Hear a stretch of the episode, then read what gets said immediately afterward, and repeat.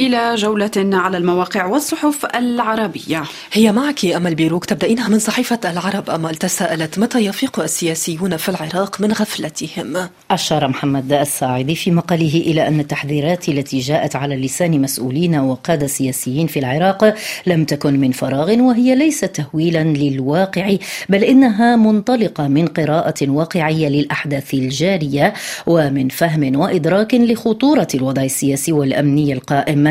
وما سيترتب عليه من آثار خطيرة على مستقبل العراق وعلى العملية السياسية. وأضاف الكاتب أن المطلوب حسب رأيه هو وحدة الصف والكلمة بين الكتل السياسية ونبذ الخلافات وتوحيد الخطاب الإعلامي والجلوس إلى طاولة الحوار الوطني وكذلك تصفير الأزمات والرجوع إلى الدستور في حل المشاكل العالقة في العراق بدون أن ننسى مد الجسور جسور الثقة بين جميع الكتل السياسية والمحافظة على المكتسبات التي تحققت خلال مسيرة العملية السياسية منذ عام 2003 في العراق يقول محمد السعدي اليمن حالة طوارئ غير معلنة عنوان مقال نشرته صحيفة العربي الجديد. كتبت بشرى المقطري أن سلطات الحرب في اليمن تدير حياة اليمنيين وفق حالة طوارئ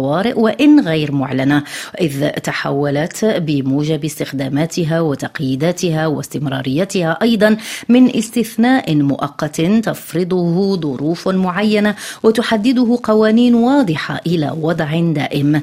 وأوضحت كاتبة المقال أن انفراط بنية السلطة المركزية للمجلس الرئاسي دفع القوى المنضوية فيه إلى تنمية سياساتها الأمنية والضبطية بما في ذلك السجون والمعتقلات موضحة أن القوى الأخرى تبسط هي الأخرى سيطرتها على الأجهزة الأمنية في المناطق الخاضعة لها وتوظفها لصالح تكريس قوتها وبالتالي تستخدمها ضد المواطنين من سلطة حزب التجمع اليمني للإصلاح في تعز ومأرب إلى حزب المؤتمر الشعبي العام في منطقة الساحل الغربي والقوى المتحالفة معه الذي جعل من منطقة الساحل الغربي قطاعا أمنيا مغلقا تقول الكاتبة بأجهزته الاستخباراتية والأمنية وبسجونه بما في ذلك تقييد المجال العام وتحديد مجالات المسموح به والمصادر نقرأ في صحيفة العرب الجديد في صحيفة القدس العربي نقرأ السؤال التالي لماذا نعجز عن تفسير الواقع العربي الحالي؟ كتب كمال قصير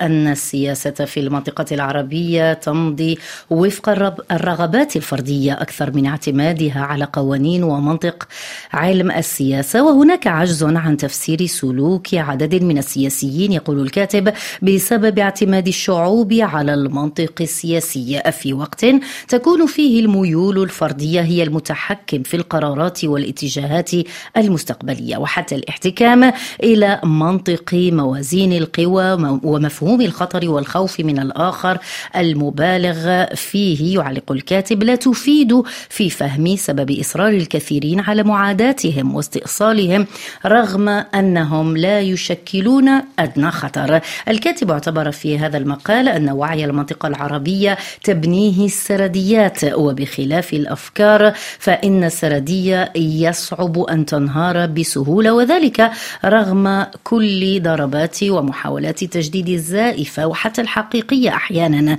فالسردية تستمر في التأثير في شعوب المنطقة يقول كمال القصير معضلة الهجرة نقطة ضعف في الديمقراطيين. نقرأ هذا العنوان في صحيفة الاتحاد الإماراتية اعتبر كاتب المقال أن مشكلة الهجرة أصبحت أزمة وطنية في الولايات المتحدة الأمريكية فمنذ أن أصبح بايدن رئيسا في يناير من عام 2021 عبر ما يناهز الأربعة ملايين مهاجر غير شرعي الحدود إلى الولايات المتحدة الأمريكية. نصفهم تقريبا نجوا من الترحيل أو الاحتجاز. وبينما يستعد ترامب للترشح مرة أخرى للانتخابات الرئاسية المقبلة في نوفمبر المقبل بات موقفه المتشدد بشأن الهجرة يحظى بشعبية متزايدة لدى العديد من الناخبين الذين يشاهدون صورا تلفزيونية للفوضى والعنف على الحدود الجنوبية وفي المدن الكبرى. وأوضح الكاتب أن مشكلة المهاجرين